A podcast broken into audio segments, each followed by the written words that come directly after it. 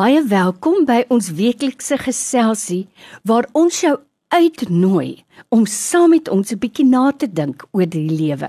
Ek nooi Dr. François Swart, hy's 'n verhoudingskenner en hy's ook 'n kliniese en pastorale terapeut om met jou te gesels oor vrae wat dalk vir jou pla, oor lewenskwessies en uiteindelik wil ons regtig hoop dat jy by 'n punt kom waar jy sê, "Maar ek kies lewe."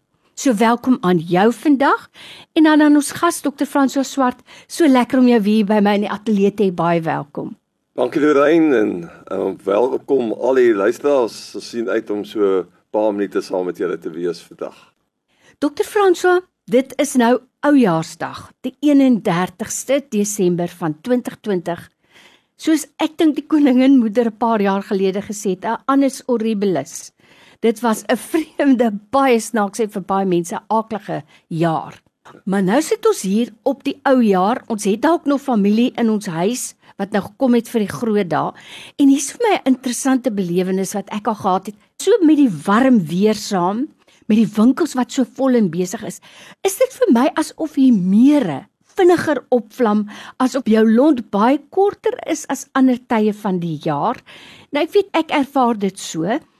En nou wil ek graag weet, watse stappe kan ek neem om te verseker dat ek steeds in hierdie dolle vreemde tyd goeie menseverhoudings handhaaf in my gesin en in my familie, my vriendekring en kennisse. Dis baie waar. Ons kom agter veral ook in die spreekkamer werk en ons wat gereeld met mense werk dat die meere en die konflik is meer hierdie tyd van die jaar. En jy kan dit nie glo nie want jy voel maar almal moet gelukkig en bly wees en al die musiek wat jy hoor, 'n getuig van vrolikheid en so aan. Maar wat gebeur met ons mense? Mense het mekaar lank nie gesien nie.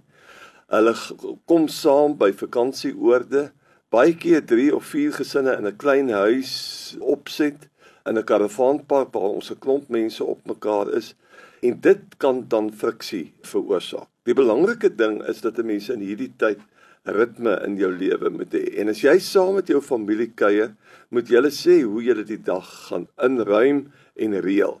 En die belangrike ding is om 'n stukkie beplanning in te sit. Sê net maar julle is 'n week bymekaar. Dat die familie besluit elke ou eet self ontbyt staan op wanneer hy wil en as jy bietjie wil gaan rondry in die Kaap of verken, dan is dit jou tyd om dit met jou gesin te doen. Maar hier van 3 uur vanmiddag af, dan begin ons as verskillende gesinne en so aan bymekaar kom. Dan begin ons kuier. Dan sit ons 'n lekker vuurtjie mm. aan en dan kuier ons tot min of meer 8 en 9 uur se kant.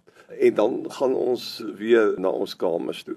Maar om die heeltyd bymekaar te wees, die heeltyd die ander een te dwing om na dieselfde plekke toe as jy te wil gaan, dis moeilikheid soek want ons is verskillend. En dan net op 'n ligte trant, ons dames moet ook mooi werk met mekaar. Drie dames in een kombuis is amper 'n resep vir, vir moeilikheid. En dieselfde met die braaiers. Die manne weet al uit respek uit as ek braai, dan steek ek 'n vuur aan soos wat ek dit aansteek uh, en ek sal die vleis braai vandag. Die manne, vriende staan rondom jou en doen wat jy vra. Dis 'n mens moet mooi werk met beurte neem en en bietjie met 'n plan werk hoe jy deur daardie week gaan werk. En dit help dan dat daar nie misverstande, onnodige misverstande kom nie en dat almal die vakansie baie geniet. So dit kom basies neer op kommunikasie en beplanning, baie belangrik. Nou dokter Franso, ek dink ook 'n ander ding waarteen ons moet waak. Partykeer moet 'n mens maar 'n stuk tou vat en tussen jou tande vasbyt. Maar ek het al gesien 'n mens moet nie krities wees op ander mense se manier van doen nie. Hulle maak ook kombuis so skoon en ons het mos nou gesê ons gaan beurte maak. Hulle hanteer hulle kinders anders as wat ek dit doen. So ek wonder of daar iets is wat 'n mens kan help om te tel tot by 10 want ek weet nie by my gaan dit 1 10. Daar's nog niks tussenin nie. As ek klaar kwaad. Ja, ons tel lyk like vir my in so 'n situasie baie van van 1 tot 10. Maar ek dink daar help jy vir ons met die gedagte. Dis goed om nie in die oomblik te reageer hmm. nie. As iets gebeur wat jy nou nie so baie van hou nie, probeer om nie dadelik te reageer nie. Miskien moet jy net 'n entjie gaan stap, jy kan 'n bietjie gaan diep asemhaal en uh, is dit regtig belangrik dat jy nou 'n opmerking moet maak. Ek dink veral met hierdie jaar uh, wat jy gesê het dit was 'n verskriklike jaar, dit was 'n mm. uitdagende jaar. Mm. En uh, ons wil dit nie nou nog moeiliker vir mekaar maak nie. Is om regtig daarop te konsentreer om mekaar op te bee en om positief te wees. En die negatiewe goed kan jy altyd 'n persoon een kant toe neem. Moet nooit 'n persoon voor 'n hmm. klomp ander mense aanspreek oor ek hou nie daarvan nie. Probeer jou tyd versigtig kies en probeer 'n bydrae maak tot 'n lekker atmosfeer, 'n lekker klimaat in die omgewing of in die vertrek waarby jy is. En vra vir jouself, lewer ek regtig 'n bydrae dat almal dit nou op die oomblik in my teenwoordigheid geniet. En weet jy as jy dit gedoen het, dan het jy eintlik tot 10 getel. Lewer ek 'n bydrae? Wat is die positiewe ding om te doen? En dan antwoord jy. Jy skiet dus nie uit die heup uit nie. Mm. Ons praat baie keer daarvan as impulskontrole probleme. As iemand vir jou skief kyk of net vir jou 'n woord sê, dan pik jy sommer dadelik terug. Probeer om soos wat jy sê vandag regtig stadig, nie so vinnig soos jy nie, stadig tot 10 te tel en dan te reageer. nou, by my in die ateljee het ek vir dokter François Swart. Hy's 'n pastorale en kliniese terapeut en hy's ook 'n verhoudingskenner en ek dink dit is so belangrik dat ons met 'n ekspert gesels, 'n man wat elke dag met hierdie dinge werk oor hoe om mekaar mooi te hanteer. Jy nou, weet dokter François, wanneer 'n mens nou in so huis saam is met mense wat uit verskillende omstandighede uitkom en so een keer 'n jaar kom almal saam, dit is al klare kookpot. En jy weet baie keer kan 'n mens oor 'n klein dingetjie, nietige dingetjie, kan jy nou 'n saak of 'n argument wen. Maar die ou mense het altyd gesê, jy dalk die veldslag gewen, maar jy die oorlog verloor. So 'n mens moet net dink aan blywende verhoudings weer tot volgende jaar. Dis vir my baie belangrik. Ten slotte net daar is nou verskillende mense saam en een ou uh, hou van sy een glasie wyn op 'n aand, die ander sal sê nee, ek sal hoogstens champagne drink.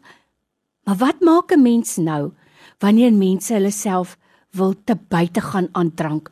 Hoe praat jy met so 'n persoon? Wanneer praat jy met so 'n persoon? 'n Baie belangrike vraag en dis 'n reguit vraag wat jy vra wat ek dink ons dan moet kyk. Die belangrike ding is om ruimte te maak. Elkeen gebruik sy drankie op sy eie manier en respek te hê vir mekaar. As iemand sekere grense oorskry, help dit nie om in daardie oomblik met die persoon in 'n argument te kom nie. Met drank oor 'n sekere punt wag mense altyd eers tot die volgende oggend. En dan moet jy saam met iemand met die persoon sit en in liefde sê en sê, weet jy, kan ons bietjie saam gesels oor hoe jy gisteraand beleef het en hoe ons dit beleef het. In daardie situasie as jy sien dit ruk hande uit, dis dan tyd dat jy dan bietjie vroeër kamer toe moet gaan. Mm. Maar die belangrike ding is om nie in die situasie met so 'n persoon te begin argumenteer nie en dalk uh, dan die volgende dag net rustig een kant toe met hom te gaan op 'n een tot een basis. Die Bybel leer van ons baie mooi in konflikhantering. As jy met iemand 'n probleem het of iets nie lekker is nie, gaan na hom toe, gaan na haar toe in liefde en sê dit is waarmee ek sukkel op die oomblik. En as julle twee nie regkom nie, dan moet julle 'n persoon wat julle al twee vertrou, mm. miskien kry om net by te sit en dan kan julle tot 'n vergelyk kom. En as jy dan nog nie regkom nie, dan is dit goed om na 'n professionele persoon toe te gaan, want dan het hierdie ding 'n ding geword. Ek wil graag afsluit met jou gedagte. Ons moet net onthou in Kersfeestyd, dit is 'n sekere tyd van die jaar. Jy het 'n belangrike opmerking gemaak, Lorraine, dat 'n mens moet lanktermyn dink.